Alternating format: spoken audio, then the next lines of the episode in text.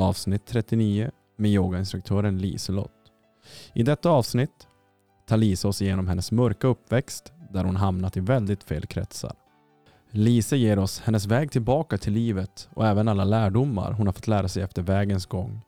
Hon går under namnet yoga Lise på Instagram och precis som namnet låter så är hon yogainstruktör med egen studio och har kört mycket klasser. Vi pratar även kylaterapi och varför det är så bra för kroppen och den mentala biten. Lise ger oss oerhört mycket klokhet i det här avsnittet. Varsågoda.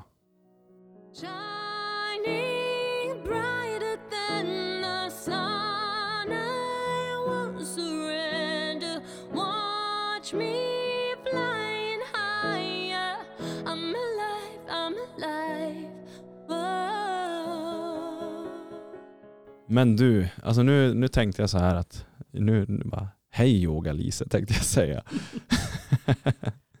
Men Liselott är här idag. Ja. Och det här ska bli kul. För um, de senaste avsnitten har varit lite, det har varit ganska tunga historier, det har varit lite tragik, eh, även såklart fina berättelser. Men, eh, och sen tänkte jag på dig, för du inspirerar ju en mer och mer för varje dag. Att nej, nu ska vi in med lite innerlighet, lite andlighet, lite träning, lite movements och lite ja, av det här glada, positiva. Så jag är glad att du sitter här med mig idag. Tack, tack. Eh, för de som inte vet vem Yoga-Lise är, vem är Liselott?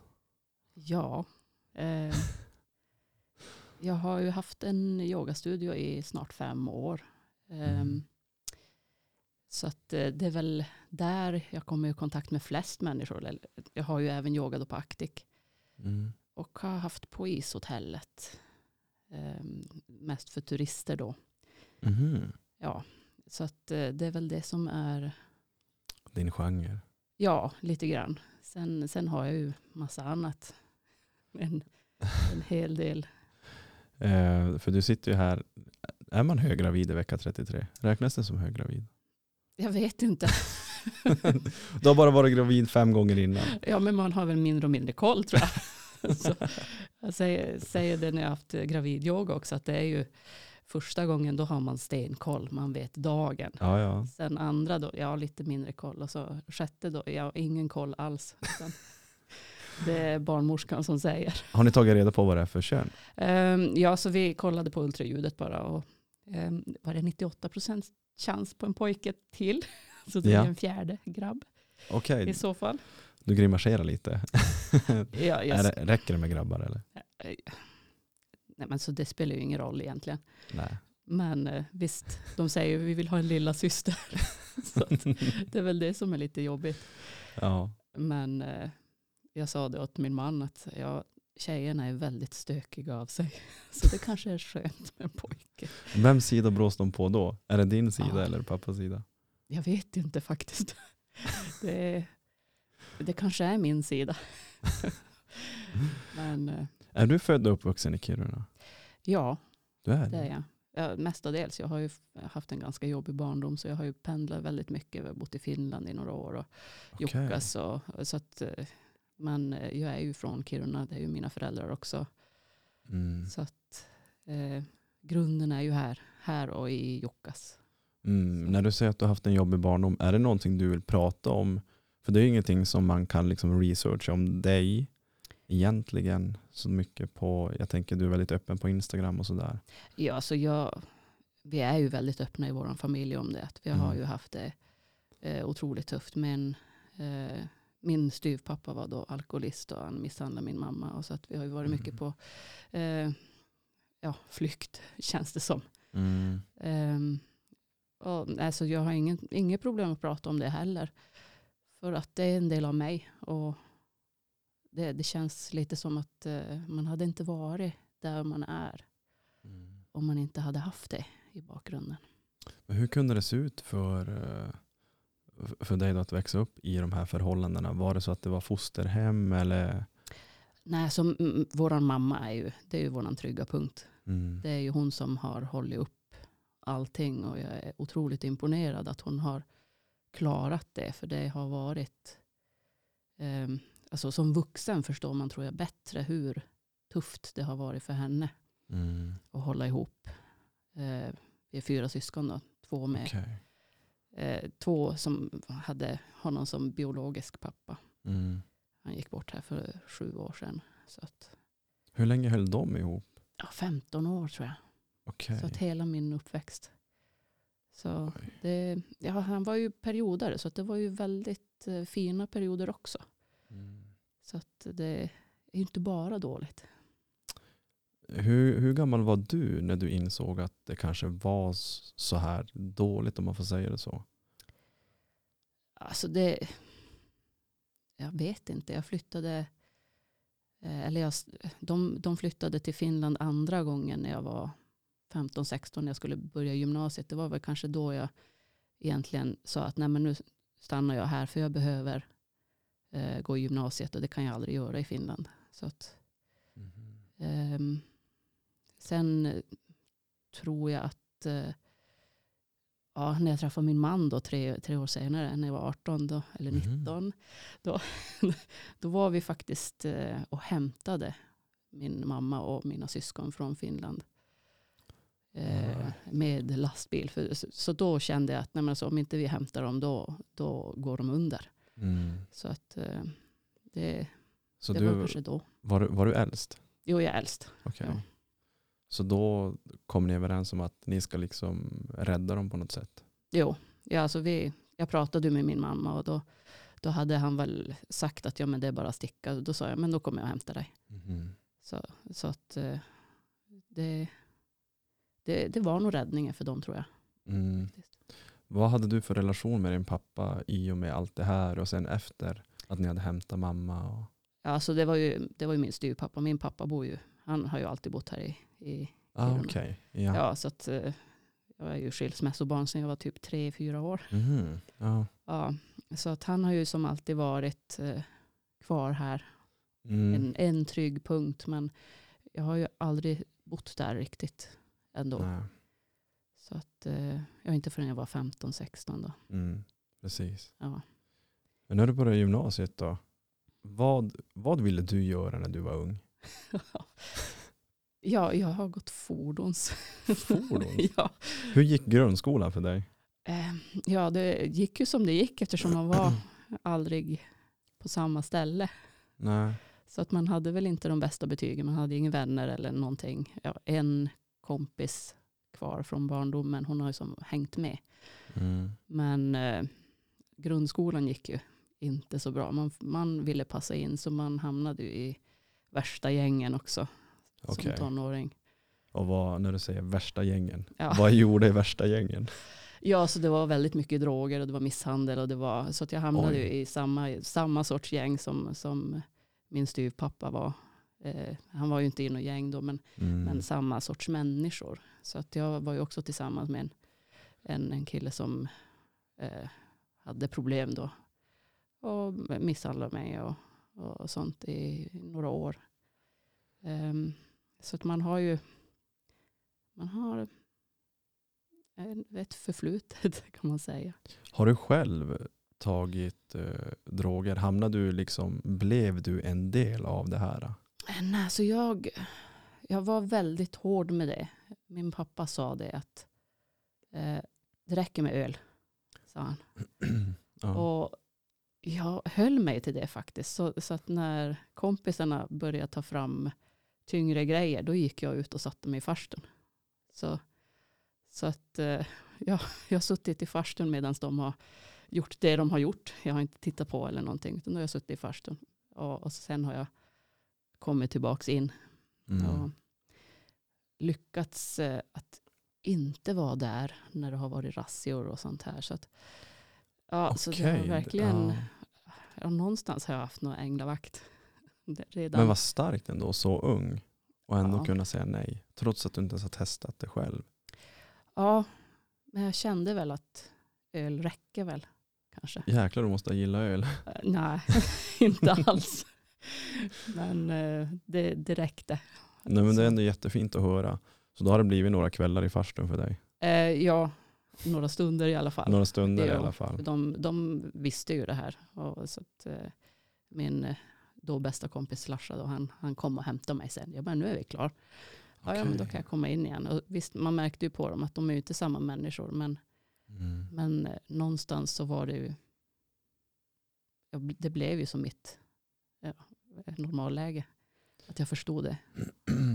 För det blir ju den här alltså, lite subgruppstillhörigheten, att man tillhör en lite... Kände du att du hade den här samhörigheten med de här människorna? Du liksom var en del av gänget? Eller var det bara för att... Nej, så det, jag hade ju min, alltså mina få kompisar i det gänget. Mm. Och eh, även då pojkvännen som jag var med då. Eh, tänker jag inte nämna vid namn. Ehm, så att man, ja, man, man var i det gänget men man var ju ändå inte en del av Mm. dem eftersom jag alltid vägrade Mm. droger. Mm. Sen någonstans där i 18-årsåldern då, då kände jag att nej, alltså vad håller jag på med? Så då Mm. lyckades jag bryta ifrån killen och eh, ja, bara någon månad senare träffade jag min man. Så att, Vad fick dig att bryta lös från det här destruktiva? jag vet faktiskt inte vad. vad. Du sa att det var ändå Det- ganska många år det höll på. Ja, alltså från 15 till 18 Mm. Och där på hösten det var väl någonting som, alltså jag visste, jag försökte ju fly flera gånger. Eh, Det, man, man vet ju att man inte ska behöva utstå misshandel. Mm. och sånt. Och I skolan det var bara fokus på ja, att jag, jag var väldigt smal. Eh, Förmodligen för att jag mådde dåligt. Så att, Mm. eh, det var fokus på att ja, men jag kanske har anorexia. Men eh, ja, det var ju inte riktigt så. Så att man fick ju inte riktigt rätt sorts hjälp. Var det någon i din närhet som visste vad du gick igenom? Kunde du prata med någon om det här? Ja, nej, jag kunde väl inte riktigt det. Jag hade en kompis som, eh, ja hon, eh, men hon förstod ju inte heller. Mm. Mm. Men som jag vände mig till, det var min klasskompis. Så det var eh, ja, tuffa år. Man, man har förträngt mycket tror jag. Ja, det kom som en chock för mig. För, man, för jag vet ju som bara den du är idag. Ja, det, ja som sagt, alltså jag har ju verkligen jobbat med mig själv för att vända. För det är mycket jobbigt i bakgrunden. Det, så att eh, kroppen havererade ju sen när jag fick mitt första barn. Och det, så jag tror att det är mycket för att man har så stort bagage. Mm. Och så sen eh, gick jag in i väggen som man säger. Ordentligt när jag fick efter tredje barnet tror jag. Så jag har en paus där mellan mina kullar. Mm. Men när du träffade din nya kille då och eh, bodde ni i Kiruna då eller bestämde ni er för att flytta hit? Ja, vi bodde här. Ni bodde här jag då har, jag redan? har all, ja, förutom då, de åren som jag har bott tre år i Finland. Ja, så precis.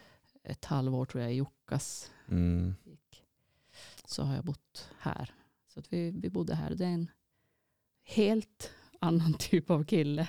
Så att han, har, han hade ju som ingen förståelse för mig. På det Okej. viset. Han, han Mm. hade lugn, trygg uppväxt. Mm. Ehm, Så det är ju fortfarande, så här 22 år senare, så visst, ibland så förstår han inte riktigt. Det finns säkert alltid saker att lära av varandra. Jo men det finns ju. Det- Alltså det man behöver inte vara lika för att passa ihop. Det är ganska intressant att eh, för många tror jag tror det. Ja. Att man ska ha lika intressen och man kanske ska vara på samma stadie mentalt och sådana där grejer. Ja men visst. Och det är ju Att, inte alls eh, så. Det, ja, du är ju uppenbarligen ett bevis på att det faktiskt går fast man är olika. Ja men så bara man pratar med varandra och, och kan Mm. acceptera att man är annorlunda. Så varför inte? Jag tror, man kan väl inte vara helt lika. Nej, det, Alltså. det är nog väldigt svårt. Ja. Men det är precis som du säger, jag är mycket för den här acceptansen att vi alla är vi ju olika på något sätt. Mm. Men vi måste kunna acceptera varandra Ja, jo men trots precis. olikheten. Jo, jag försöker ju som säga det till mina barn också. Ja. Tonåringarna som inte är så där accepterande. Som brukar jag säga, men så de har också sina resor. De har också sitt Mm. bagage. Så. Vi vet ju aldrig vad någon får gå igenom. Nej, det är ju det. Och därför är det så viktigt att vi inte dömer någon annan heller. Ja, men precis. Det, det känns som att du är precis där, alltså du förstår vad jag pratar om när jag säger så. ja, jo, men det, det känns som det. Speciellt du som har ett bagage. Ja, ja men det, jag, säger, jag, har ju, jag är ju inte den enda som har, Mm. och alla har ju sina trauman. Mm. Verkligen. Så, så att, eh, jag tror att det är min styrka också som yogalärare, att jag har lite erfarenhet. Mm. Det inte skadar nog inte. Nej, precis. Eh, Men sen då, du, blir du mamma tidigt? Ja, 21 var jag första Okej. gången. Ja, Mm. så att, ja, hon blir 20 nu, min stora fröken. Och eh, hur ser det ut i livet för dig där och då? Liksom barn på G, vad, vad jobbade du som då? Vad ville du i livet? Ja, som sagt, jag gick ju fordon, så jag gick ju sista året när jag träffade min man och det gick Mm. väldigt fort från det att vi träffades till det att ja, vi bodde ihop på eh, ett par månader så hade, vi flytt, då hade jag flyttat in till honom och så sen ett år senare gifte vi oss och så året Mhm. efter så fick vi då Julia. Och, eh, så det, ja, det har gått väldigt fort. Det bara small. Ja, det har det. Och ändå så har det ju håll, hållit ihop. Mm.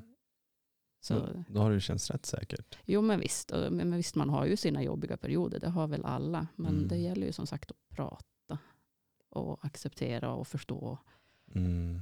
Prata är så jävla viktigt. Ja, Det går inte att läsa tankar. nej, det går gör fan inte. inte. Nej. Undrar hur många gånger man har fått eh, hamna i de skedena där man, men kan vi bara lägga ner de här gåtorna nu och så bara tala klarspråk? Ja, Jag kan tyvärr inte läsa dina tankar. Ja alltså, det, det är ju lite så. Och ändå så efter 22 år som vi har varit tillsammans så många gånger så kan man nästan läsa varandras Ja. tankar. Det, det blir som att man, man har en sån lite djupare förståelse. Ja, såklart. Man kan varandra utan och innan. Ja, lite grann. Fast ändå inte. Men, men eh, där och då i livet, vad ville du med livet? då hade jag väl, jag har väl, tror jag aldrig haft någon så här riktig plan. Utan Okej. det, jag bara flöt med helt Mm. enkelt. Det kändes rätt. Och första gången så kände jag mig trygg. Mm. Och, så att eh, det, det var väl det som gjorde att eh, jag inte hade något problem att, att binda mig och skaffa barn. Och sen, sen kraschade ju kroppen då när jag väntade. Eh, Då bröt min sjukdom ut. Så, Mm. att, så det var ju en väldigt jobbig graviditet. Men eh, Vad är det som händer där med din kropp? ja, alltså, foglossning säger de ju då. Men eh, det visar ju sig sen så här, tio år senare att det var ju Ehlers-Danlos syndrom. Så Den har jag inte hört. Eh, nej, det, det är en sån här skräpdiagnos. Skräpdiagnos. ja, så det kronisk värk är det ju. Och eh, överrörlig. Eh, väldigt, väldigt Mhm. överrörlig. Så att eh, det, med, under graviditeten så var det ju mest då just ryggen. Att benen, alltså benen ville inte gå något mer. För Mhm. att eh, så ont i höfterna och så ont i, i ländryggen. Sen har det ju som ökats på. Så efter nummer två då, då, fick jag, då började knäna gå ur led. Bara sådär. Ja, bara sådär. Ehm. Alltså liksom du kan vara ute och promenera och sen bara... Ja, jag tror första gången då klev jag ner från en pall. Och, och då bara ramlade knä- knät ner i knävecket. Så, Ja, men, och fastnade där. Så, så man har fått åka ambulans några gånger. shit. Så att det, det var då jag började träna. Faktiskt. Det var Mhm. då jag hittade träningen och kanske lite släpp, släpp, börja släppa på det här med och, och att man ska vara bilmekaniker. Och, och jag körde ju folkrace också in, innan och sånt där. Okej. Började som vända lite mot det här hälsohållet. Då när, Mm. när läkarna sa att Nej, men du måste träna. Det är enda sättet som knäna inte ska ramla, ramla ur läge. Vad är det för träning du får börja med då eller som du kommer in på? Ja, det första var ju sjukgymnastik. Mm. Det, de har ju hjälpt mig mycket. Sen eh, började jag någonstans där med boxning. Och det gillade jag ju jättemycket. Mm. Så att, eh, Få ut aggressioner då eller? ja, så det är rolig träning. Ja, det är jättebra träning. Ja. Och- Så att eh, det höll jag på med i många år. Plus styrketräning och, och min Mm. rehab då med sjukgymnasten. Men problemet var ju att jag fick ju inte stretcha för läkarna. Okej. Nej, Jaså. utan för att eh, det är ju det som är, musklerna ska hålla ihop lederna. Mm. Så att verken blev ju inte bättre av att man bara råtränar. Så då började jag som smyga in yogan lite. Okej, hur- och, så, och det här är då efter tredje barnet? Ja, ja alltså det är nog ganska långt för jag kraschade ju som sagt med Mm. det mentala också där efter, efter trean. Då. Då, då fick jag diskbrock och då, då, var, då som, rasade hela världen. Då var det som att nu, nu orkar jag inte ta något mer. Så, Vad, är det, vad är det som händer om du utvecklar det, den mentala biten? Vad är det som sker? ja, ja, men, Du nämnde ju lite gå in i väggen. ja, men precis. Alltså, det är ju det som, som att man... Ja, det är svårt att beskriva gå in i väggen eller bli utbränd eller utmattad som min kurator säger att jag ska Mm. säga. Det, det är ju bara det att man, panikångest var ju mycket. Mm. Att eh, man orkar som inte tänka. Och, och jag har ju förstått nu att jag har ju kraschat väldigt eh, hårt. Mm. Många säger, det var min kurator som sa det nu, eftersom jag går hos kurator än, eller igen. Eh, hon sa det, men så det, det är så många som säger att de blir utbrända, men ehm, det finns ju olika grader. Mm. Och jag kanske inte har, eh, efter så här 13, 14, ja, 13 år så fortfarande så, så känns det. Du är alltså inte helt återställd ännu? Nej, utan man har, alltså, när de, jag var på någon sån utredning då mätte de minnet på mig bara. Och, alltså, Jag hade Mhm. minne som en 80-åring då. Så att sådana grejer. Att, eh, utbränd helt enkelt, det är borta. Det är utbränt. Och det var liksom allting. eh, Har du fått någon eh, speciell orsak till varför du gick in i väggen? Till exempel var det något jobb eller var det mycket med barnen eller livet? Alltså, eller? jag, jag blev ju sjukskriven när jag väntade min, min första och har varit sjukskriven sedan dess. Mhm. Och försökt då med olika arbetsprövningar. Och, ehm, så att jag har ju inget sånt skäl egentligen. Utan det är ju bara mitt bagage säkert. Och så sen Mm. kroppen och eh, eh, ja, att man ändå har de här mammaplikterna. Som, Mm. ja, så att jag tror, alltså Försäkringskassan var ju en stor del. För att man, det var ju bråk med Nej, har du haft det kriget? Ja, det är klart. Har man varit sjukskriven så tror jag att man har haft det kriget. Ja, Så det, det, det är nog det som är skälen till en att jag... soppa av allt egentligen. Ja, precis. Att det, det blev för mycket. Ha, har du någon gång, ehm, när du säger att du går till eh, kurator, och, ehm, har, har du fått utreda din barndom? Ditt bagage på något sätt? ja, så det har ju kommit upp några gånger. Mm. Det, det har det ju. Och ja, det beror ju på vem man går till också som kurator. Nu har jag ju, ja, i somras då, då insåg jag att nej, men så nu behöver jag någon att prata med igen. Mm. Eftersom jag blev gravid igen och det är mycket som händer med, i världen och, och Såklart. med barnen. Och jag fick, eh, eh, min 13-åring fick diagnosen ADHD och Mm. han är väldigt mobbad. Så jag kände att nej, nu måste jag ha stöd. Så att, eh, då fick jag en jättebra kurator. Och jag tror bästa jag har haft Mm. faktiskt. Vad bra. Ja, så att eh, det känns som att kanske kommer upp nu. Ja, jag ja. vet inte. För jag tänker att när man eh, har ett hemskt bagage så kanske man på något sätt måste sluta fred med bagaget om du förstår vad jag menar. Alltså på Mm. något sätt för att kunna gå vidare så måste man kanske, som vi pratade om innan, acceptera att det faktiskt Ja. har hänt. Jo, men det, och det pratar vi mycket om, jag och min syster. Mm. Eh, brorsorna, de är inte så, så pratiga av sig. Mm. Men, men jag och min syster pratar jättemycket om det. Och, och just det här, för det är klart att hon har ju samma eller liknande uppväxt. Mm. Så att det är inte lätt. Ehm, Men eh, någonstans så måste man ju acceptera att eh, det man har gått igenom och att det faktiskt har format en. Känner du att du har kommit så långt att du kan?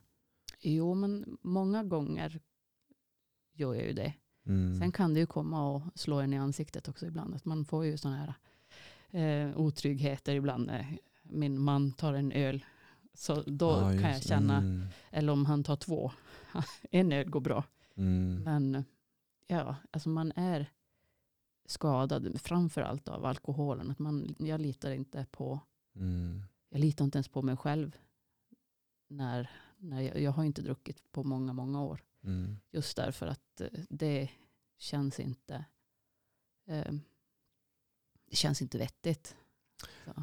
Alkohol är någonting som förstör så många relationer, så mycket Mm, ja. förhållanden. Alltså det är... Ja, jo men precis. Så att jag har ju haft så här mardrömmar nu när, när man har tonåringar. Jag har en 20-årig dotter som faktiskt aldrig har rört alkohol. Jaså? Så, och en 16-åring då som, alltså ja, man försöker ju verkligen att förklara för honom. Och jag, ja, det, det är väldigt, De har egna viljor. jo, de har egna viljor och de kommer ju prova någon gång känns det som. Ja. Men ja, jag vet inte min dotter för hon är väldigt eh, tjurskallig och hon säger nej. Hon, eh, jag brukar säga att hon är min björn. Att hon är råstark och man ska inte Man ska inte brottas med henne. Nej. Nej, eller boxas med henne. Mm. Hon tog ju över boxningen efter mig. Så att, Jaha. Ja. ja. så att, eh, För med, där är det nog, det är nog samma sak där. Med allt, med ditt trauma, på något sätt måste du acceptera att det har hänt. Och på samma sätt måste vi som förälder acceptera att de här barnen har ju faktiskt egna viljor. Ja, och det är väl det som är så svårt. Det är va? ju så jävla svårt. det är så lätt när de är små. Ja, för att jag tror att många vill att ja, men det här är ju mitt barn. Det här är en del av mig och den kommer bli lite som mig också. Ja. Fast det är ju inte helt sant att det, att det är så. Vi kan påverka våra barn. Mm. Men i slutändan, alltså innerst inne så har de faktiskt en egen vilja och eh, som förälder tror jag att det är nog viktigt att vi låter dem få ha de här egna viljorna. Ja, men precis. Acceptera dem som, som de är. För de är ju också en egen Ja. individ. Jo, och det blir väldigt tydligt när de är tonåringar. Tell me. jag har sju år kvar. Sex år kvar innan min blir tonåring. Ja, ja, när jag trean nu fyllde 13 här i november så att jag, jag känner att han kommer bli värst. Oj då. Ja, men det är ju mycket med diagnosen också som man har. Och just, ehm, eh, det blir ju lite extra Mm. humör på den pojken. För jag har ju haft eh, några gäster där deras barn faktiskt har ADHD. Mm. Och eh, vad man får höra lite runt omkring också, skolor och sådär, det känns som att det är, typ mer, det är mer vanligt att man sätter en diagnos på barn nu för tiden. Ja, men det är så att de har ADHD eller ADD. eller- Ja, fast jag har ju bråkat nu med eh, BUP och skolan i sex, sju år innan. Ja, Okej. alltså jag började märka på, på, på, på min pojke i sex års att ja, det är inte riktigt, han är inte riktigt som de två äldre. Det, Mm. han, ja, de ringde ju hem, eller varje dag ringde de, redan från sex års. Att eh, han smiter och han lyssnar Mm. inte. Och han, ja. Så att eh, jag har ju verkligen kämpat för att få eh, min fot in på BUP. Mm. Så att eh, det är inte så lättvindigt de sätter diagnoser ändå. Ja, kanske, det. nej. För, för, för det som är intressant för mig tycker jag är att, eh, men om vi tar i ditt fall då, hur reagerar du som förälder? Vad gör du för att det praktiskt ska gå bättre i skolan? Ja, nu... För jag tror ju inte på att man ska lägga sig ner och dö. Det ska Nej. man, även om det är jobbigt så. Och, Nej, så det, vi har ju... Eh, ja, det började ju dyka upp att, alltså hur mobbad han är i, Mm. när han gick femman. Så att jag har ju varit ja, i princip i krig med, med skolan sedan dess. mm. Att eh, ja, försöka få kontakt med rektorer och eh, få hjälp av eh, lärare. Och, och, ja, just det här att han, han blir slagen i skolan, alltså det är ju inte som acceptabelt. Såklart det inte är. Men Nej. hur, hur responderar skolan på det här? Skiter de i det? Ja, de, ja, i princip så har de gjort det i flera år. nu förra året, då fick vi en bra specialpedagog. Mm. Och hon har ju verkligen hjälpt. Och Mm. Så att eh, jag tror det är det som gjorde att vi till slut fick kontakten med BUP också. Okej. Att, eh, hon, hon lyfte ju, hon, jag har sagt åt henne att men du klarar ju inte av att lyfta hela skolan hur länge som helst. Mm. Men hon säger att det är okej. Det, alltså det är så jävla gött att det finns sådana där hjältar ibland. Ja, jo men visst. Det känns som att de är verkligen typ födda för den där uppgiften.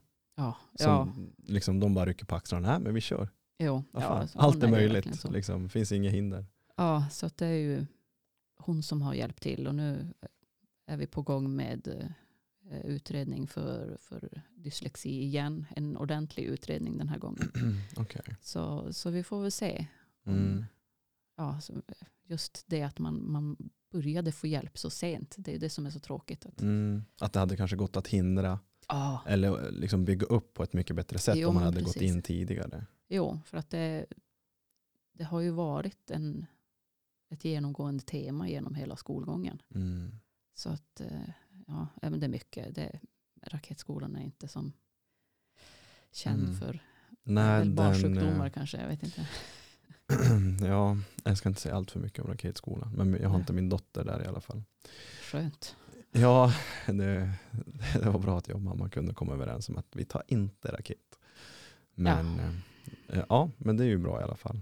Men eh, hoppas i alla fall att det går bra för er. Men hur har du som, eh, för det här är ju inte enda barnet. Jag menar, du har ju några barn. Du och din man har några barn. Och jag kan tänka mig att om, om, en, om en pojke i den åldern kanske har det lite stökigt, att det kräver mycket uppmärksamhet från föräldrarna. Ja, det gör ju det. Ja. Och, men resten av barnen då? Liksom för det, är- på något sätt måste man få familjen att hålla ihop. Ja, jo, jag brukar säga det att man, eh, man kan inte lägga honom i samma nivå som de äldre barnen utan han hamnar med de yngre. Mm. Att jag lägger, jag lägger nog mer uppmärksamhet på honom på morgnarna än på min sexåring och min treåring. De, de lyssnar ju lite bättre. Och, Mm. Men man får ju som jaga upp honom att kom ner och hela tiden vara som lite eld i baken på honom för att få iväg. Så att jag är helt slut varje morgon. Du är det? Jo, det, Oh, ja. det, Men hur ser det ut med idrott då? Sätter ni ungarna i idrott och hur aktiva är de där? Ja, så det, min äldsta hon åkte ju konståkning i många år och sen Mm. började hon boxning Mm. och tävlade i det. Sen nu jobbar ju hon så det är inte så mycket annat än hon får hänga med mamma och bada. Helt enkelt. Är det hon som är med och badar isbad? Jo, Ah, jo. så ja. Mm. ehm, ja så, sen har hon hållit yoga åt mig då när, då när jag har varit sämre i Mm. kroppen. Så då har hon varit med och visat så då är jag mer bara rösten. Åh, vad fint. Mm.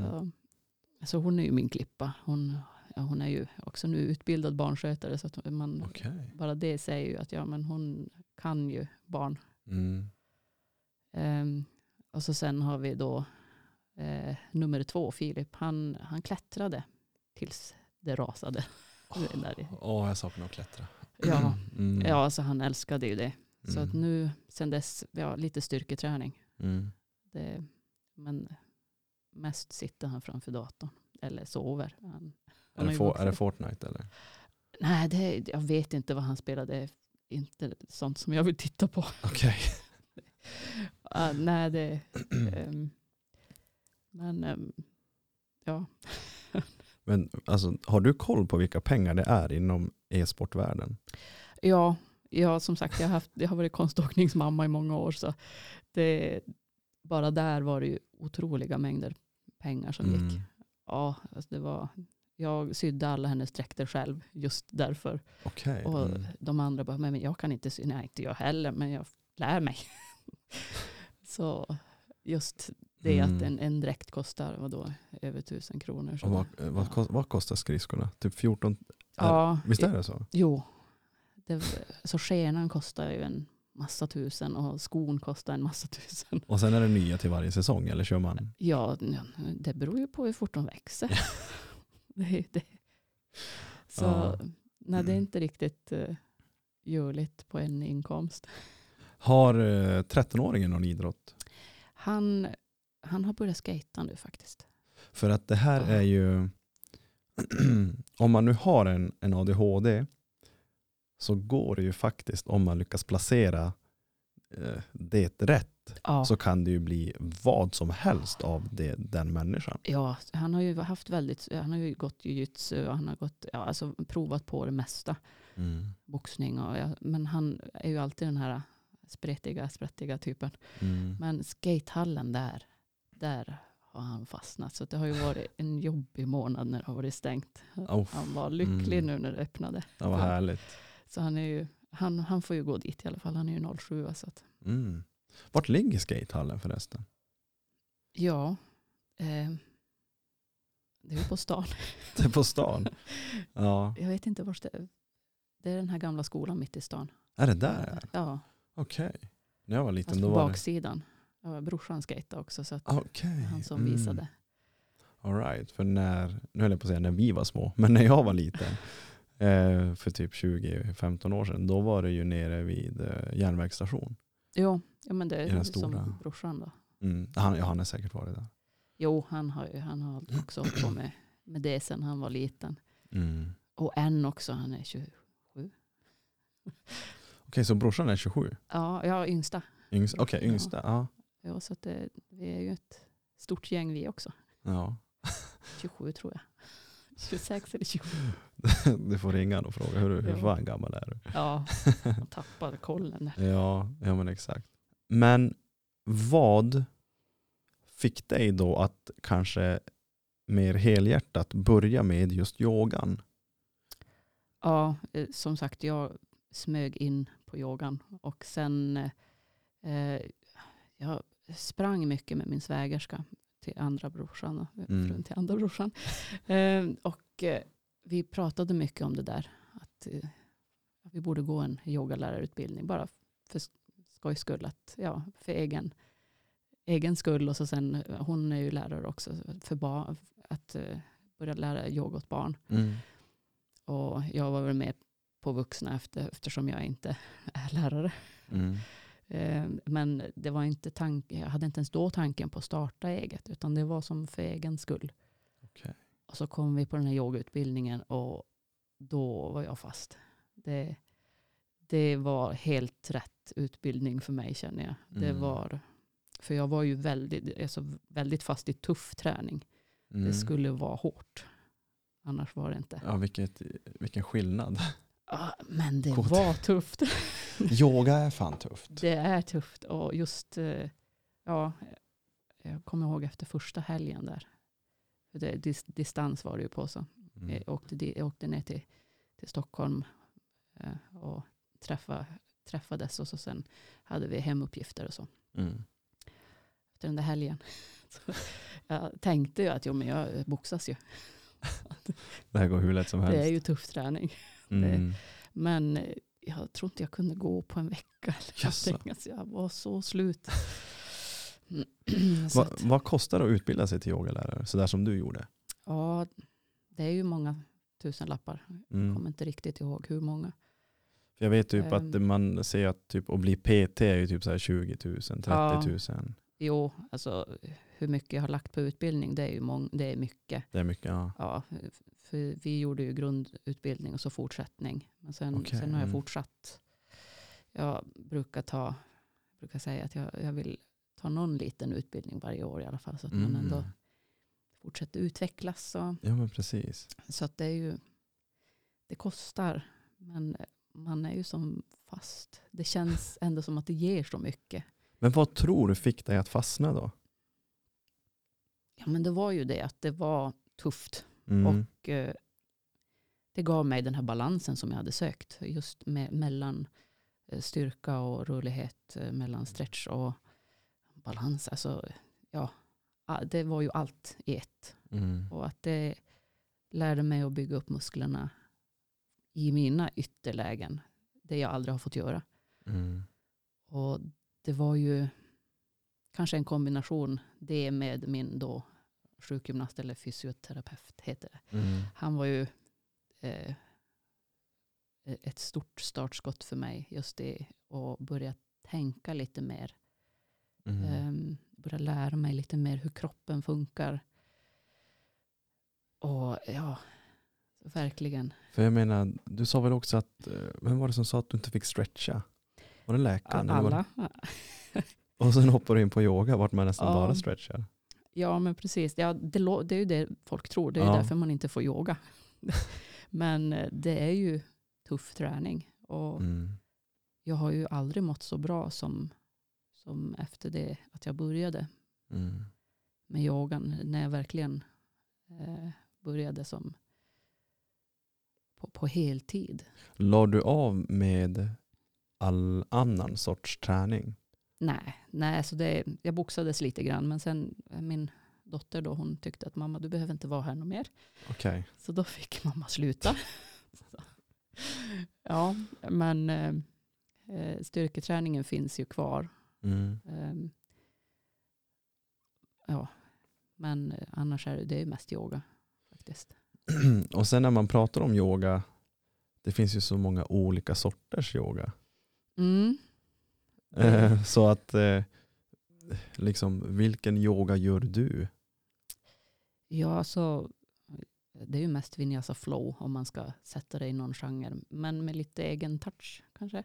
Ja. Ja, sen har ju jag då en yin yoga utbildning och yoga Mm. nidra. Och, och senast jag gick det var andningsutbildning.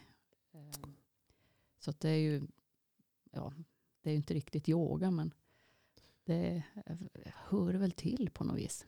För det är väl ändå, om man nu ska prata yoga, så när jag själv liksom gör yoga så blir det lite, det blir som meditation för mig samtidigt som man Mm. gör yoga.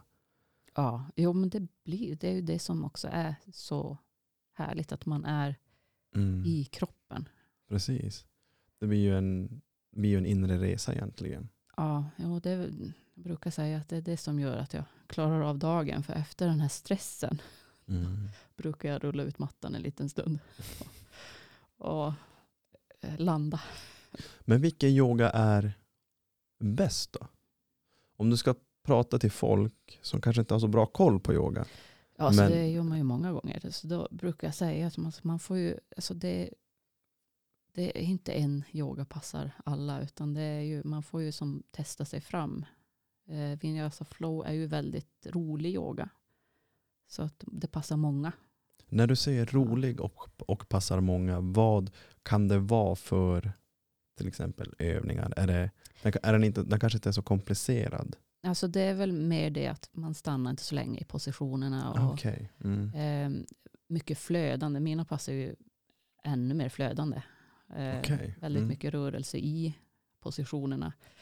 Och mycket fokus på dig själv.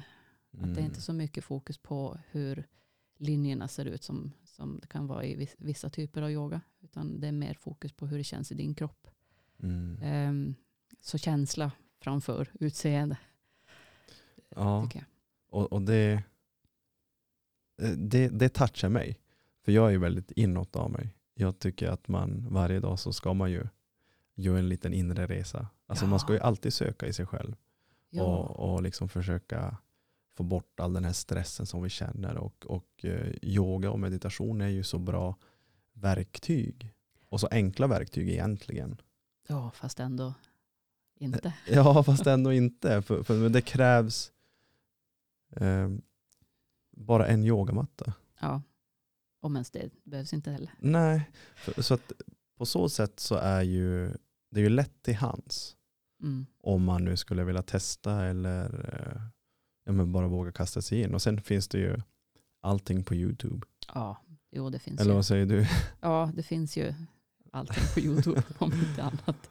Det har varit mycket go-to för mig. Mm, att, man, att man har ja, men allt mellan 50-15 minuter på morgonen. Jo. jo, och det är ju YouTube jag började också. Ja, det var det. Ja, det var för, för jag var ju förbjuden att gå på någon yoga.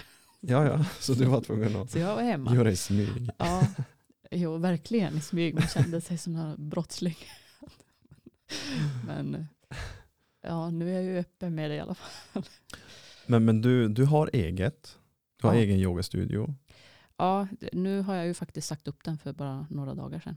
Yes. Eh, Ja, för att eh, ja, vi har inte kunnat vara där sedan oktober. Eh, sen kom ju den här nya Mm. pandemilagen och eh, betyder då att jag får ha tre personer där. Va? Eh, Den är ju lite liten. Det är ju en, den, är inte så stor studio. Så, så att eh, ja, ungefär, jag vet inte riktigt hur många kvadrat det är. Men Hur är det de räknar det där? För jag vet ju att på gymmen, 10, 10 kvadrat per person tror jag. Så att eh, så typ ett sånt här rum per person då eller? Jag, Eller alltså det är jag, ju, jag har ingen aning. Ja, så, så att eh, det, det känns, plus att vi ska ha de babys om ja, ja. sex veckor ungefär. Oh, det är fan nära. Så att eh, det känns som att jag kan ju stå och betala hyra till augusti då när nästa yogakurs kanske kan startas. Men man vet ju inte. Är det så länge ni måste vänta? Ja, alltså, Ifall ni skulle ha haft kvar det? ja, det är ju ingen idé att starta nu och jag behöver ju garanterat återhämta mig efter, Mm. eh, efteråt. Och det är ingen idé att starta en yogakurs på sommaren. Så, att, Okej. så det är ju i augusti som jag brukar köra. Från, från ja, ungefär skolterminerna brukar jag köra. Mm. Men vad fick dig att fan nu kör jag det här på liksom, nu, nu satsar jag eget? Det var min man. Var det din man?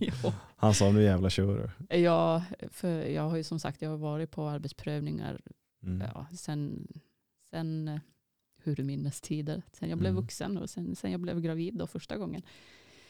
Eh, och eh, det är ju en tendens att man, man tar ut sig. Mm.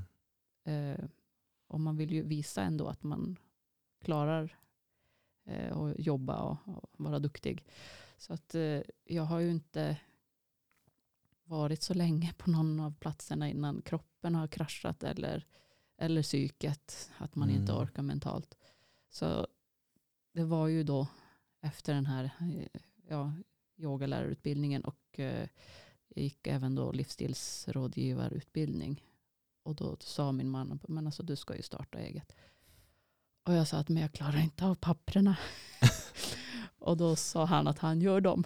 Åh, Så, vilken drömman. så ja, Fan vad härligt. så han skötte mina papper. Annars hade det inte gått. Mm. För att eh, det är ju ett av mina, en av mina alltså, svagheter är ju att jag klarar inte av det något mer. Det, det är utbränt. Ja, precis. Ehm, Men när du startar så här, går det bra för dig? När du, Ja. jo men det har ju gjort det. det, ja. det jag blev kontaktad tror jag andra året. Jag fick ju en bebis då första året Ja, i ja. studion. Då fick jag ju en, en nummer fem. Och ett yrväder som heter dyga. Ja, så att eh, andra året då blev jag kontaktad av ishotellet då. Mm. Ville att, eh, ja, att jag skulle bygga ett eh, pass till dem. De hade ju varit då, var ny chef. Och Mm. lite så här mer hälso eh, tror jag. Ja. Och de hade varit på yoga hos mig och då ville de att, att eh, jag skulle bygga ett pass Mm. för turister då. Ett eh, arktiskt yogapass. Så, så det var ju jättespännande. Det är klart man säger ja. Såklart. Sen eh, blev det ju lite att man hamnade då av en slu- Vi skulle ju vara inomhus men då var det någon konferens eller någonting där en gång. Så då frågade de om, om jag ville vara inne i ishotellet. Och klart jag ville det. Ja, ja. Det. Man säger ju inte nej till sånt. Så Så att ni gör den här yogan i kylan? då gjorde vi den. I, i ishotellet är det ju bara vad är det, sex minus högst eller något sånt. Vet du, jag har aldrig varit där. Nej, jag hade inte heller tidigare. Ja. så så att, nej, det var magiskt verkligen. Och Ja. yoga där inne var ju, det var så magiskt. Mm. Men när jag kom därifrån så var jag ju genomfrusen. Du var det? Mm. Ja, jag har ju alltid varit en frusen människa. Så att, Jaså? ja, tidigare. Den som aldrig tar sig långkalsongerna ens på sommaren. Ja, så jag, var så, alltså jag frös hela vägen från, från Jukkasjärvi och in i bastun sen. Jag tror jag frös hela kvällen. Vad Så, tänkte du då? När du liksom Ja. har, nu, vad har jag tagit mig an? Nej, det var ju ändå, magin var ju kvar. Ja. Bara det att, ja, hur ska jag hantera kylan? Okej, Är det då din eh, kanske en sån här tävling mot kylan väcks? Ja, jag tror att det var då, ja första året, då, då, jag höll ju mig, jag gjorde ju de här yogapassen där i ishotellet och Mm. försökte hitta kläder som funkar, ull och det ska vara ja, alla möjliga eh, ullunderställ hade jag på mig. Och, ehm, ja, man blir ju som lite så här härdad, men jag var ju fortfarande frusen. Mm. Men sen fick jag vara med då. Eh, De hade en sån här Ice Hotel Wellness Weekend som jag fick vara med på. Okej. Med eh, eh, Pilates Complete och då en av ägarna där, Linda Ahlgren, hon har ju skrivit Kalla bad. Okej. Och det var där. Det Nu jäklar. Ja, det, det var efter forsränningen, för hon pratade ju om den där boken lite då och då. Mm. Den hade inte kommit ut än. Okej. Mm. Och så efter forsränningen som vi var på, det var på sommaren, men det var ju svinkallt. Det var Mm. innan värmen kom. Så det var, eh, ja, när vi kom upp eh, efter forsränningen så alla stod ju och höll på att frysa ihjäl och det var isvindar, verkligen storm. Mm. Och så står Linda där och bara stretchar i linne. Nej. Och då gick jag och frågade, men, men alltså fryser inte du? Vad säger Nej, hon? sa hon. Jaså. Jag fryser inte. Så då började jag tänka att ja, det är det jag ska göra alltså.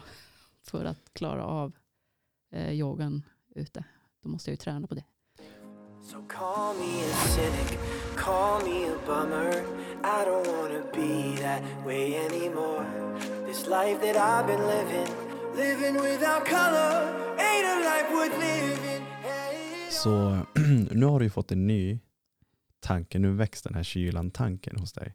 Hur tar du dig an det? Liksom, hur börjar du? Ja, så jag började ju med, med att eh, dusch, började dra ner temperaturen i duschen lite grann. Inte till iskallt. Okej. Mm. Och när vintern kom, eller när hösten kom, så fortsatte jag yoga ute. Och när, vi, när snön kom så fortsatte jag i snön. Inte länge, men, men ändå så att jag behärskade andningen och Mm. eh, kunde vara lugn.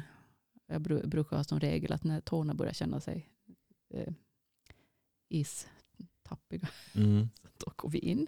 Okej. Ja, så där började det ju. Men jag hittade ju ingen vak förrän, det var ju höstas först som... som Det är så jag, nyligen alltså? Ja, jag har ju sökt. Jag har, Ja. har sökt. Jag har ju badat hela hösten och så. Har jag Mm. badat i våran stuga i, i kåk så har jag ju badat. Mm. Men eh, jag visste ju inte riktigt vars man ska ta sig för att bada isvak. Mm. Det, det var som mitt mål och så hade jag en, en, eh, en på gubbyogan faktiskt som sa att ja, men min sambo hon badar alltid där vid, vid hembygdsgården i Jukkas. Okej. Och bara, "Aha, då åker vi dit. Så, Alltså shit. Men hur, hur urartar sig den här kylaträningen för dig? För jag som själv också duschar kallt och sådär och badar lite i snön. Det tar ju ett tag innan kroppen faktiskt vänjer sig. Säg att det ja men då när jag började med att duscha iskallt. Det tar säkert två veckor dagligen innan man faktiskt känner att fan jag kan stå här alltså. mm, ja. Alltså det är ju en pina. ja, men precis. Att det, det är ju, man får ju, ja, mycket från yogan tror jag att jag har börjat med att lugna ner an, andningen. Mm. Det är fokus nummer ett. Och det är det även när jag badar nu, kallbad. Så att eh, just det här, inte den här Wim Hof eh, känslan utan Du har koll på han i alla fall. Jo, det är klart. Ja det är bra. Mm.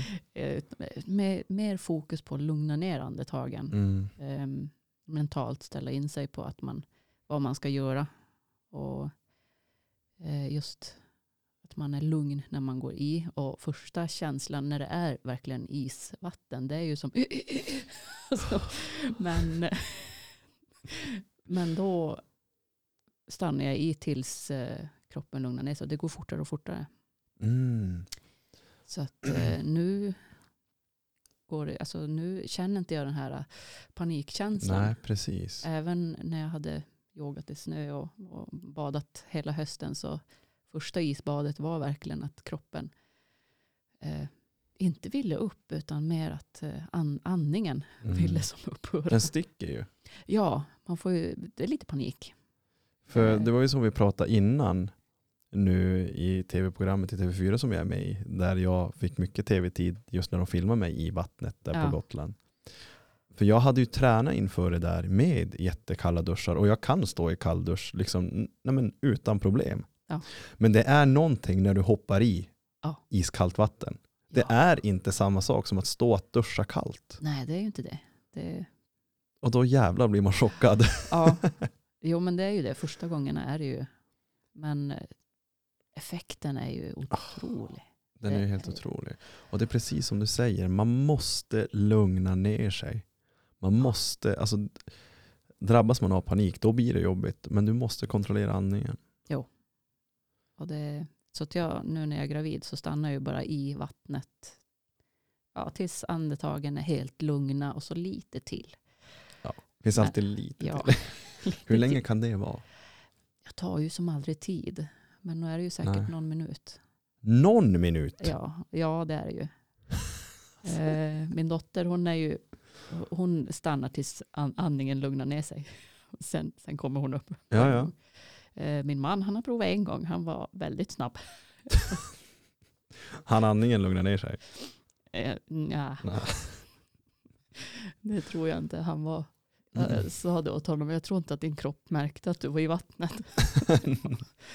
Eh, Men hur känner du efter att du har tagit dig an den här kylaträningen? På vilket sätt har det gjort dig bättre? ja, så det, det ger ju ett lugn. Mm. det, man blir ju beroende. Alltså det är ju verkligen. Eh, jag skulle ju inte göra det om, om inte jag mådde bra av det. För att folk kan ju, säg när du lägger ut på Instagram och bara knallar ner i din bikini i den här Ja. isvaken. Folk tänker ju, vad är det för jävla dåre? Ja, jag har alltid sagt det att jag, så jag har ju provat att vara normal och det funkar inte för mig. det suger att vara normal. ja, så att eh, det, vad de säger det bryr jag mig inte om. Nej. Man, man har fått mycket kommentarer och mycket just när man är höggravid också, eller vad jag nu är. Mm. Att ja, men alltså babysen då? men babysen ligger ju skyddad i magen. Såklart. Ja, och eh, jag tror att eh, jag mår sämre efter en bastu. Jag är också en bas- bastumänniska. Mm. Men jag klarar inte bastun lika bra som jag klarar i spaden. Nu. Fan vad fascinerande. Så att, eh, och det sa min barnmorska också. Jag har ju en bra barnmorska. Hon, hon badar också. Jaså? Fast eh, hon är från Göteborg som badar där nere. Så Jag vet inte om det är lika Jaha, ah, hon är lite... Ja, men, men hon, för, hon förstod i alla fall. Och hon sa att ja, men Mm. bastu är sämre Mm. än isbad. För att, för att eh, nu när jag sitter här med dig, för jag vill ju att folk kanske ska anamma med det här. Att kyla är bra. Det är inte farligt. Ja. För man får ju ofta höra att liksom, ja, men ska du ut och springa i 10 minus, du blir ju sjuk. Ah, Varför ska jag bli sjuk? Ja. Kyla gör inte mig sjuk. nej, det är ju bakterier. Ja, så att jag menar, Ja, jo, jag får mycket det jag också. Men du blir sjuk. Men nej, du är Ja. säkert mer friskare än aldrig förr. Ja, det är jag ju. Jag har ju varit den här som alltid eh, drar på mig halsfluss. Och, men jag har ju ändå klarat mig med fem barn där hemma som jag titt som tätt eh, blir förkylda. Mm. Och du blir inte förkyld. Nej, jag har inte, Nej. inte på länge. Eh, Blir jag, då, alltså, jag blir ju rejält förkyld som, som sagt. Det Mm. blir halsfluss och, och hela den biten när jag blir förkyld. Men Mm. ja, jag har klarat mig väldigt bra hösten. Och, Och eh, nu innan också, du, jag tog ju upp den här eh, artikeln om just kyla, eh, kallbad, en kick för hälsan och humöret. Jag tänkte jag läser det här bara för att Mm. lyssnarna ska faktiskt förstå att det är bra. Ja. Och du, du känner säkert till allt det här. Men jag tänkte att det här är så, det är så intressant och det är så kul att vi faktiskt har en, kan man säga att du är proffs på det här? ja, det vet jag inte. För att nu är vi inne på en artikel här, bastu och kallbad, men jag läser det som är om kallbad. Eh, om bastubad låter skönt och avslappnande, låter kanske kallbad som rena motsatsen. Eh, och det här är då det här är en studie som eh, finländarna har tagit fram.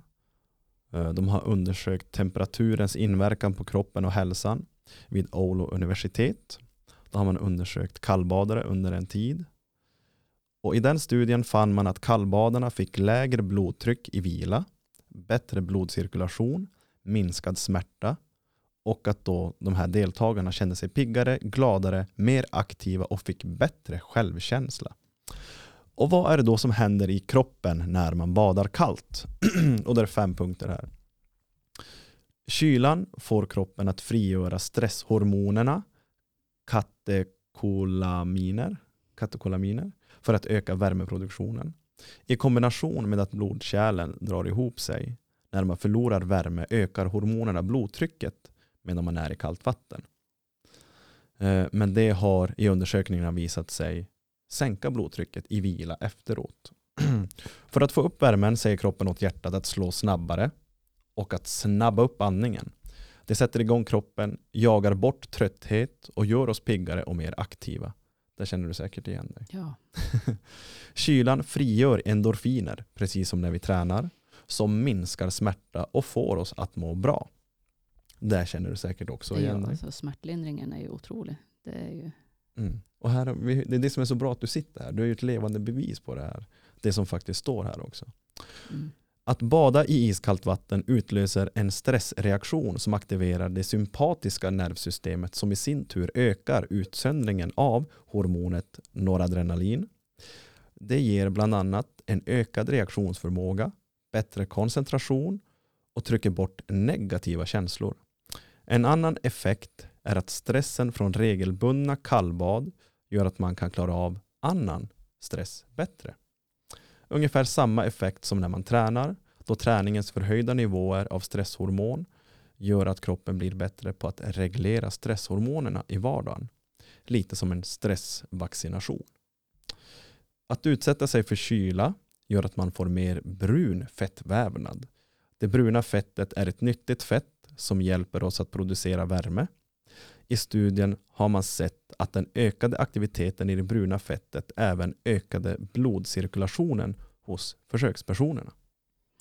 ja, ja, men det känns ju.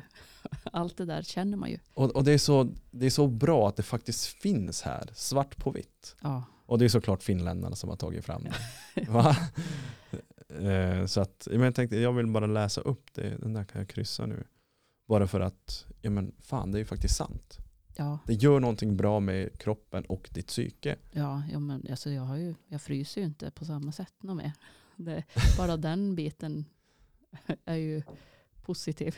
Ja. Och hur känner du liksom personligen? Är det här någonting du kommer att fortsätta med tror du? Jo, alltså nu...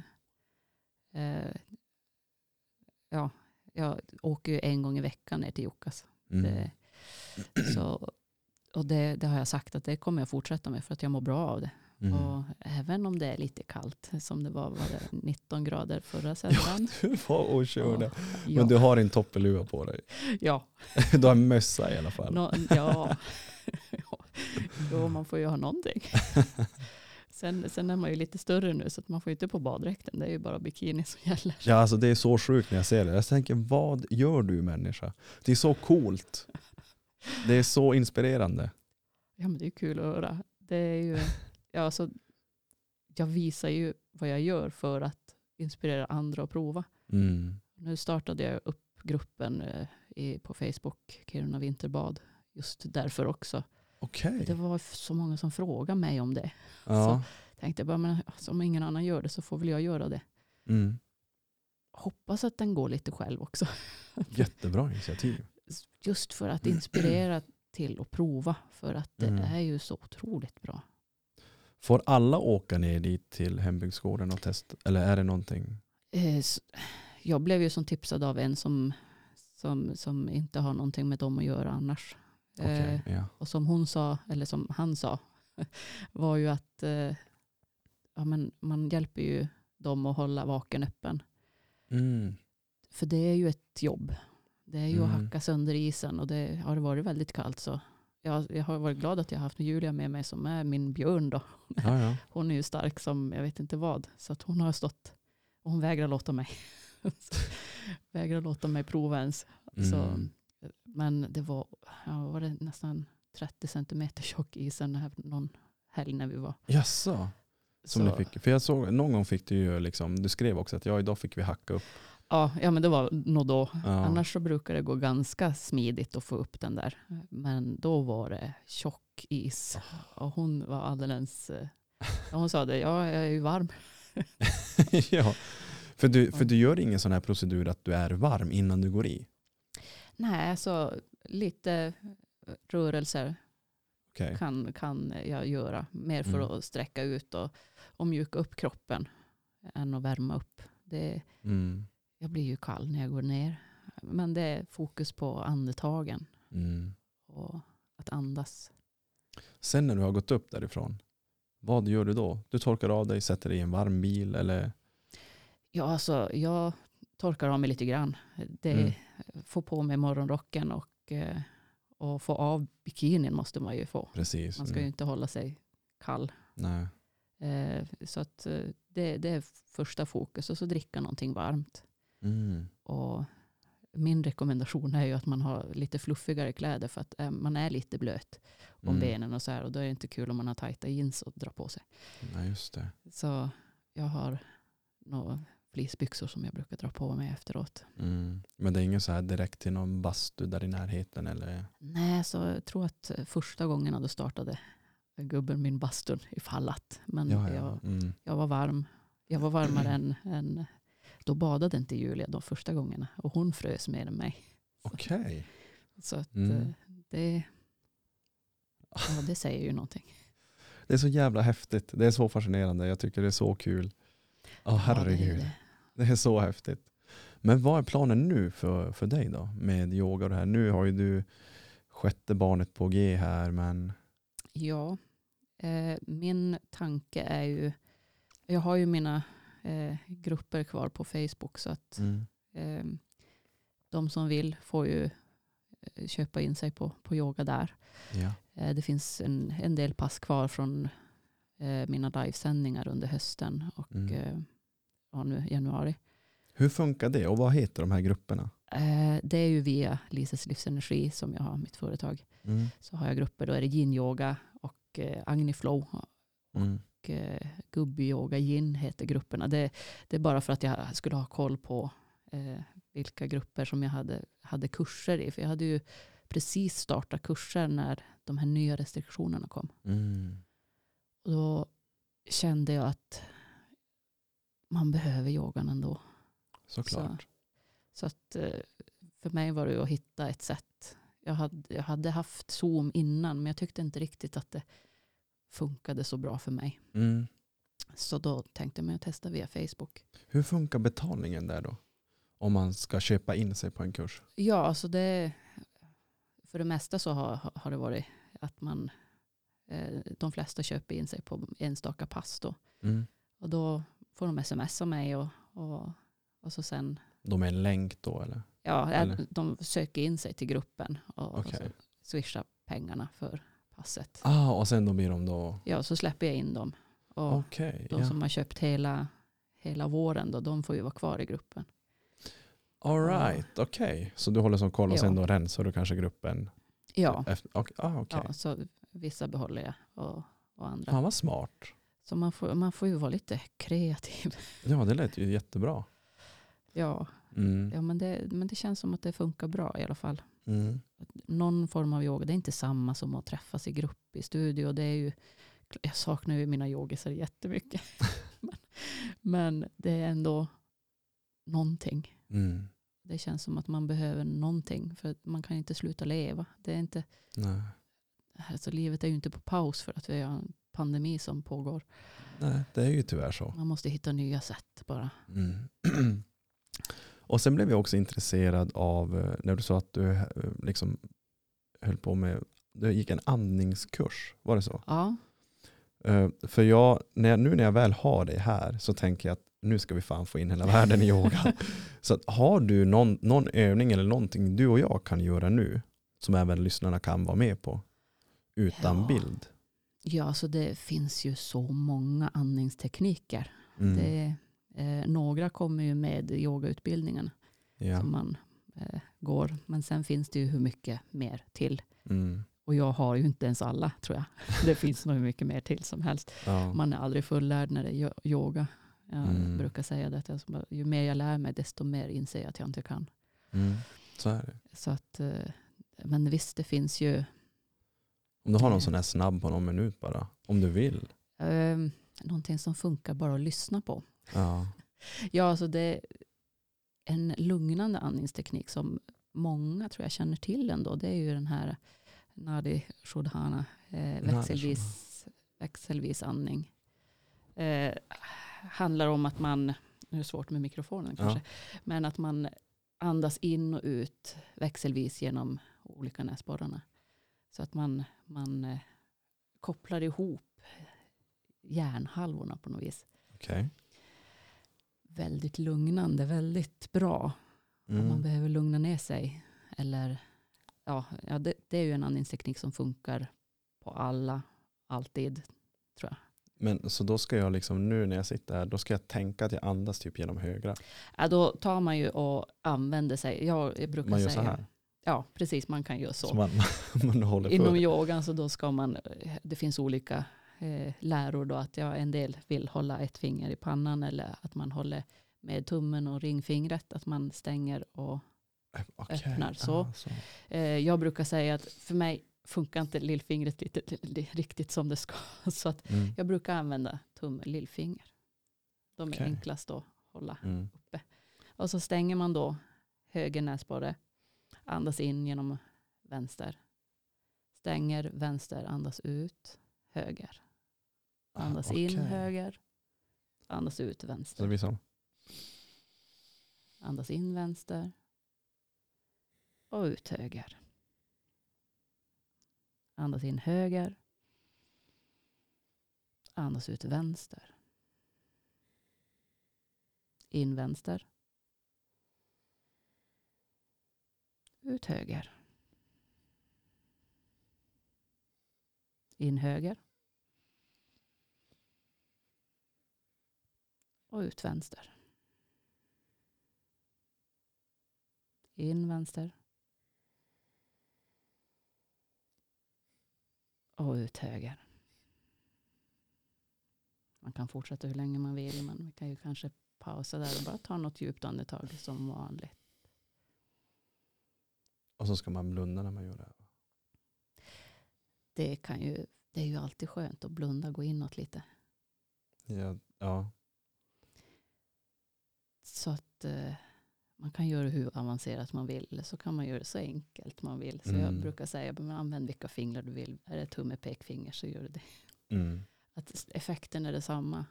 Även om man förenklar det lite grann. Så att det är en väldigt enkel teknik. Mm. Som är väldigt lugnande. För att när, eh, när jag kör mina meditationer som jag fick av min psykolog, det är mycket guidade eh, liksom meditationer där jag alltid har med sig i hörlurarna. Mm. Och så guidar han mig då, eller rösten guidar mig igenom Mm. då, beroende på hur lång meditationen är. Ja. Liksom tänka och liksom, ja men nu följer du hela andetaget in Ja. och nu följer du hela andetaget ut. Och Ja. så vidare. Och så vidare. Jo men precis. Det är lite så yoga nidra Är det det? känslan. Ja. Okej. Det, Ja. det är så här djup avslappning. Ehm, är det yin-yogan man håller positionerna typ flera, flera minuter? Ja, det är det. Och den, anses den som jobbig? Den, den är ju jobbig. Ja, det var det jag tänkte, för den är ju ganska Ja. tuff. Men man ska ju slappna av. Ja, Så, så att, men eh, den är väldigt jobbig. Och Mm. speciellt gubbarna som jag har haft. Säger gubbarna, det är ju allt, allt från unga killar till, till gubbar. ja, jag tycker det är så bra namn att det är just gubbyoga. Ja, Att det kanske passar nybörjarna och ändå alla ja. typ. jo men precis. Att det, det var, jag tänkte, varför göra det krångligt? Ja. Liksom. Precis. Ja, så de- den gruppen har ju verkligen varit eh, alltså de, ja, så uppskattande Ja. män, människor. Att man blir som alldeles varm i hjärtat. Eh, är det majoriteten mest tjejer som kör? Ja, Yoga. Jo, jo, men det är ju det. det alltså jag har ju, det är ju kanske en eller två killar. Någon gång så har jag haft över hälften. Men, Okej. men det är väldigt sällsynt. För det här är ju faktiskt, eh, för alltså det är fan till för oss killar också. Ja, jo, det var därför. Det var min, min mammas kille som sa det. Men kan du inte starta gubbyoga? Mm. Och, för han var på någon och han sa det. bara, Men det är så ensamt. att han tyckte det var bra men han kände sig så ensam som kar där. Såklart. Så, Men undrar vad det beror på. Är det någon macho-grej eller att vi inte ska köra yoga? jag, tror, jag tror att det kanske är blandat. Att det är lite flumstämpel kvar på det och så sen bo i Kiruna. Det, jag Ja, tror att det jävlar. kanske Jo, det är är. sådär att man går med luva på och man går in i yogastudion. Fan ingen ska se mig här. Ja, men Det var löjligt. de som jag haft på mina gubbjogor, det Mm. är ju verkligen eh, LK-snubbar på, på, på eh, 50 plus och, Ja. ja, ja, och un- unga killar. Mm. Det är ju till för alla. Ja, och, och alla har märkt att det ger. Det är så jäkla bra. För att eh, det är just den här resan i dig själv du gör. Ja, Och det är ja. så, alltså, vi får ju lära känna oss själva för en stund. Och lära oss att eh, ja, dels kunna ha en jobbig timme. Det, som du säger, det är jobbigt att yoga. ja. Men, men det är ju sån avslappning, sån stress relief om man kan säga så. Liksom. Det är så mycket fördelar med det här. Ja, alltså bara det här att landa i sig själv är ju någonting som vi inte Mm. gör. Det är så skönt. Ja, och, det är, och yin-yogan, ja, det är mycket lastbilschaufförer som jag har haft och det är ju klart de är stela. Mm. Så det är ju inte, eh, yin-yogan är väldigt bra för den, eh, för kroppen så också. Mm, för du Det- behöver ju inte vara Alltså du behöver inte vara gymnast för att gå på yoga. Du kan vara stel som en pinne. Jo, precis. Och det är kanske då man behöver det som mest. Ja. Och det är ju ja, det är de som också har märkt det, att jag, men så jag har mindre ont och jag har, Mm. ja, och man ser ju stor skillnad Mm. på, på de, ja, de flesta som började första gången. De var kvar faktiskt nu när jag avslutade. Mm.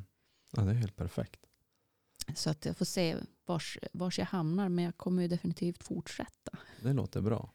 För du kommer, du kommer ha lite att stå i nu till sommaren säkert. Ja, så jag kommer ju se vars, om jag tar tillbaks studion Mm. som jag har haft. Så jag har ju ändå, det, jag har, min man har byggt Mm. den. Ja. Jag har målat. Ja, så Vart, vart höll den till? Är det, det är i Tolla, det är Tolla? Okej. i yes. borgen där på, på baksidan. ah, just det. Mm. Så att eh, fem år har jag nästan varit där. Så att det känns i hjärtat att släppa den. Lite Men, vemodigt. jo, men samtidigt så det är inte hållbart att Mm. Betala hyra för någonting som bara står tomt så Mm. länge. Det, Ja. Alltså, så det, nu när eh, 2020 kom och eh, coronaåret kom, det känns som att det har sabbat lite grann för dig. jag tror att det har sabbat för alla. tror jag. Det är Ja, ingen jo. som har haft det lätt. Det har Nej. funkat för mig. Det är inte, det jag hade inte behövt säga bort studion om inte det hade varit babys på gång. Jag hade Mm. nog inte behövt säga bort studion men det känns inte som hållbart att stå och betala för. Vi vet ju inte hur det kommer se ut på hösten. Mm. Så att eh, det kanske att jag behöver en större studio. Det vet man ju inte. Eller, Mm. eller om läget är ja, detsamma som nu. Eh, Ja. Vi Ja, man hoppas ju att det är bättre. Mm. Sparka bebisen någonting. Mycket. Nej, Jag har han gjort det nu? Jo. ja, det känns ju ibland så att då får man ju hålla emot.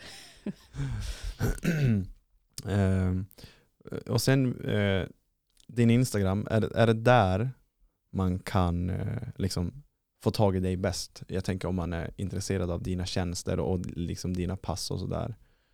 Eh, eller vart är det man får tag i dig? Ja, alltså det är ju Instagram som är lättast för mig att, att hantera. Så det är där jag är mest verksam. Sen Mm. har jag ju Facebook och jag har ju även en hemsida då, men jag är ju inte så teknisk.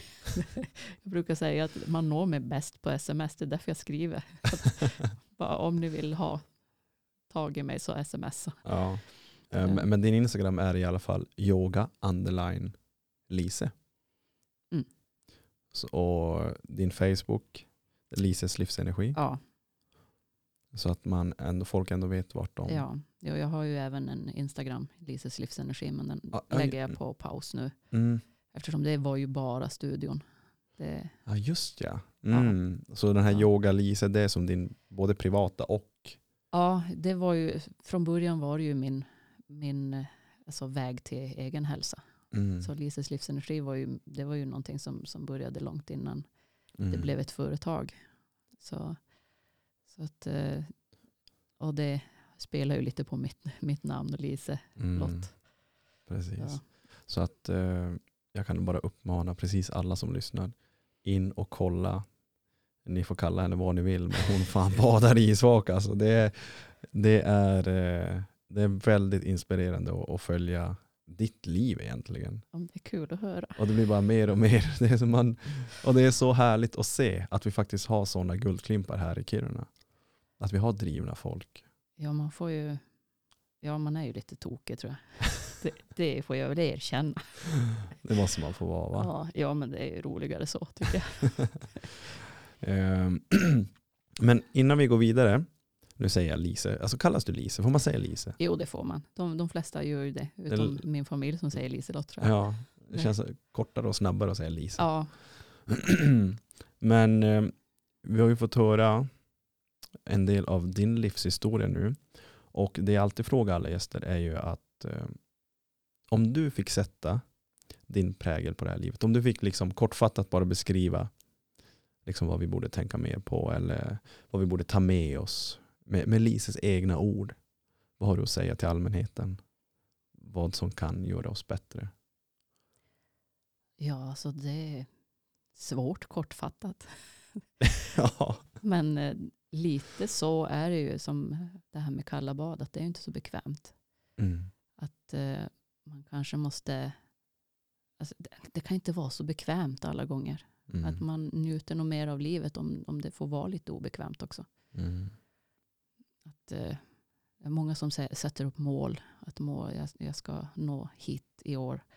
Men eh, egentligen målet med livet, vet, vad händer i slutändan? Man, man dör, så att målet är Mm. nog att leva. Att njuta av det. Exakt. Hur man än, var man än hittar det, Mm. ska man satsa mer på. Men ändå ta sig an de här obekväma prövningarna också. För det finns ju ett ordspråk som säger att ju mer vi lider, ju bättre kommer vinsten att kännas. Lite grann. Ja, ja men det, det känns lite så. Att jag brukar säga det att jag, visst jag har verk och jag har jag är på väg, alltså jag har alltid kryckorna i bilen till exempel för, Mm. att, eh, för att verken kan ta över. Det har varit mindre sånt när, alltså, när jag började med yogan. Men, Mm. men eh, nu under graviditeten så är ju, det är ju kryckor och rullstol som är, väntar och jag är ju förvånad att jag går än. Det är ju yogan som jag tackar för det. Men det är ju det som också gör mig tacksam. Mm. Det är ju inte förrän jag hittade tacksamheten som jag verkligen började tänka mer på. För jag har varit väldigt negativ. Det, Mhm. det har jag varit. Jaså, till livet och allmänt eller? Ja, jag tror man blir det. Jag har varit väldigt bitter. Mm.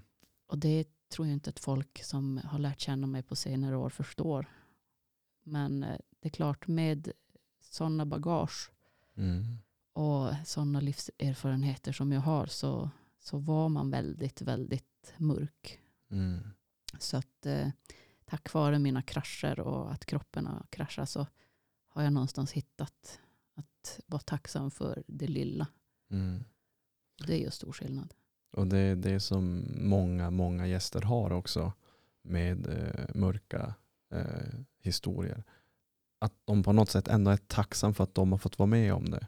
För att Ja. det har gjort dem till den de är idag. Ja, men var skulle man vara annars? Mm, det vet man ju fan inte. Nej, Men ändå att, man, att de här människorna, precis som du, har varit med om så tragiska saker. Men ändå kan sitta här och le idag. ja.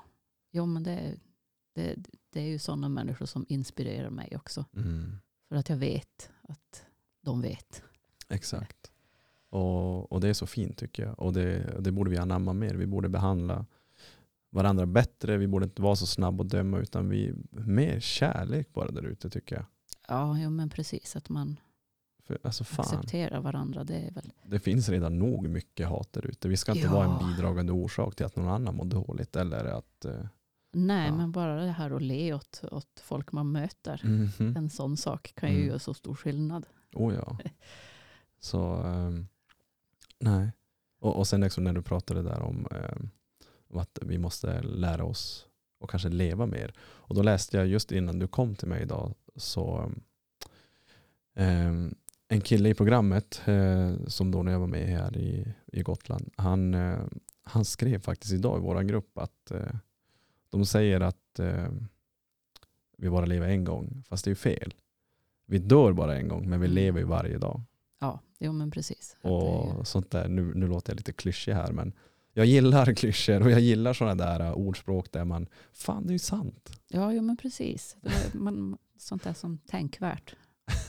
Jag brukar slänga ut sånt på, på Instagram. i- ja, i just det, du gör ju faktiskt det. Det tänkte jag också säga åt dig. Ja. Att jag har många, jag har screenshotat många av dina, dina ord och dina Ja. meningar på, på dina stories. Ja, ja, Jag vet det, inte om det syns om man tar screenshot kanske. Men, Nej, det har jag inte. nej, du har inte tänkt, nej. nej. Men jag, jag har många på min telefon där Ja, du lägger det- ut. Så. Det är sånt som, som får mig att bara, ja, Mm. och bara tänka efter lite grann. Det är så bra. Det är Ja. så skönt att läsa, speciellt då man kanske kollar telefonen direkt när man vaknar där fyra på morgonen eller fem på morgonen. Och istället för, jag menar jag läser ju typ aldrig tidningen. Och där är det skönt att bara gå in på yoga Lise och bara tacksamhet. Ja, det ska vi känna. Ja, så jag, jag försöker vara positiv där. Det är klart Mm. att det är negativt också. Mycket bråk med skolan och sånt här. Men, men jag känner att det är inte någonting som jag vill sprida ut mer av. Mm. Att vi har alla våra fighter. Att jag, Mm. jag eh, vill ju dela med mig av, av glädjen i mitt liv Såklart. istället. För att det är det vi behöver mer av. Det är det Mm. alla behöver mer av. Ja, för det enda som kan driva ut mörker det är ju ljus.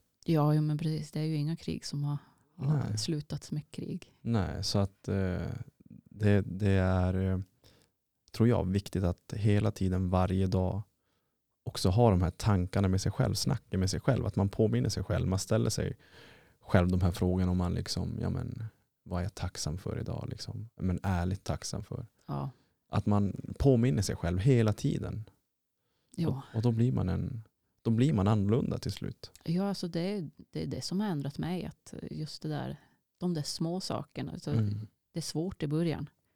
Att hitta någonting nytt man är tacksam för. för jag, visst det är Mm. lätt, jag är tacksam för mina barn. Och jag är tacksam för, Mm. men, men att hitta de där små sakerna som när man är ute och promenerar, hur träden ser ut. Mm.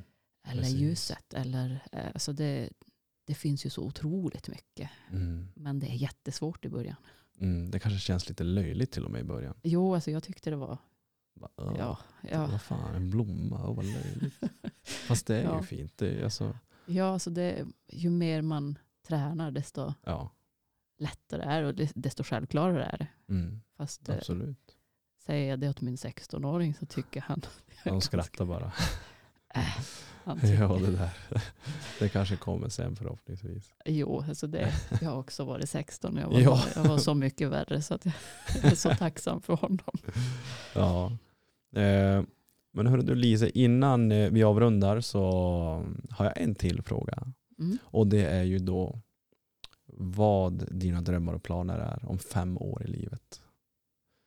Världens kanske svåraste fråga. En stor fråga. Ja, så som, som jag sa här tidigare, att jag flyter som mest Mm. med. Jag brukar inte sätta upp mål, utan eh, jag gör mitt bästa varje dag. Mm. Ehm, planen om fem år, ja. Om man får Drömma lite. försöka tänka lite framåt så där så hoppas jag väl att vi eh, mår bra allihopa. Mm. Friska och, och lyckliga hela familjen. Kanske att min dotter har flyttat ut. En liten hint här åt Julia. Var det så det hette? ja, nej, hon, jag har sagt att hon får bo kvar för alltid om hon vill det. Ja, vad snällt. ja, det är klart. Men får man fråga, betalar hon hyra? Jo, hon gör ju det. Den är ju bra. Jo, så att nej, jag flyttade själv hemifrån när jag var fem, 15 så att Mm. det, det har varit min stora sorg i livet. Just det att jag inte haft mamma nära. Mm. Hon var ju dessutom i Finland så att jag har sagt Precis. att min, mina barn de får vara de ska vara nära. Jo, så att jag, ja visst blir man irriterad på. Men eh, det är ju, Ja, det är ju min rikedom, det är ju de, ja, det är ju visst. alla mina barn. Mm.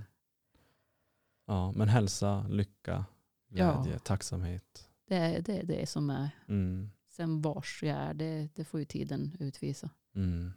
Så länge du får din familj kanske. Ja, det är de som är Mm. mitt allt. Ja.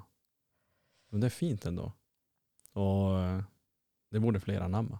Att liksom att man man kanske sätter, ja men Kiruna det, det är mitt hem och där ska jag vara. Fast jag är mer så här, ja men där min, typ, eh, ja men min familj är, där är mitt hem. Där mitt hjärta är, är mitt hem. Ja, jo, men precis. Det är lite så. Jo, det är ju så. Man ska inte låsa sig så mycket. Nej, jag, jag har ju mi- mina syskon och alla bor ju här. Ja, Ja, inom bara något kvarter ifrån mig. ja precis. Mm. Ja, eh, så att det är ju, det är, mina syskon är ju, det är ju mina kompisar också. Det är de som Mm. står mig närmast och min mamma Mm. så, och moster. Och alla är här. Ja, och alla, alla bor bara nära och det är Ja. de som är, är viktigast. Mm. Efter mina barn då, min Såklart. närmaste familj. Mm. Så Ja. Sen bor vi ju säkert kvar här för att Kiruna är ju också i, Ja, alltså Kiruna är ju väl, det är väl alltid hemma. Men jag känner i alla fall det att det här behöver inte alltid vara mitt hemma. För jag har ju ändå testat på så många olika städer. mm. Och ja, Kiruna har sina för och nackdelar. ja, ja mina, två av mina syskon har ju bott härifrån i flera år. Men Mm. jag sa det, men ni kommer tillbaks. Mhm. Och då gjorde det. Men kanske de far iväg igen, de är ju yngre än mig. Ja. Mm. Det, det vet man ju inte, men, men jag hoppas ju att de är nära. För det är ju som sagt, det är ju mina Mm. vänner. Såklart. Ehm, Men Lise, den här, det här samtalet med dig har varit så, det har varit så roligt att få sitta ner med dig. Så jag är glad att du ville ställa upp. Ja, men tack detsamma, det var kul att vara här. Var du nervös? Nej, så jag, jag vet inte vad som har hänt med min nervositet. Nej, jag, jag är inte nervös. Du har inte känts nervös för fem öre? Nej, så faktiskt inte. Nej, alltså, men någonstans när jag började som yogalärare så, så släppte jag det. det. Ja. Jag har ju varit den blygaste på jorden, tror jag de flesta vill säga om mig. ja. De som har känt mig tidigare säger ju att är du yogalärare? Hur funkar det? Mhm. Mhm. Men eh, jag vet inte. Jag, Ja. jag s- brukar säga det att ja, men jag har varit tyst men jag vet inte om jag har varit blyg. Mm. Det är skillnad på att vara tyst och blyg. Ja, nu är jag inte så tyst nog mer. Det. Och det är jag glad över. Så Ja. att, eh, nej, det har varit så rikt att sitta med dig. Ja, att jag, jag är tacksam. Det är, eh, mm, jag har ju varit nu, det har varit en månads uppehåll och var perfekt samtal att komma tillbaka till. Det har varit så skönt. Ja, men det är kul att höra. Det är så härligt. Så eh, nej, Eh, men tack. Och eh, in och följ Lise, in och inspireras av henne. Allihopa tycker jag, nu, nu, nu. Och eh, så tackar vi henne. Tack Lise. Tack själv. Och på återseende. Hej då!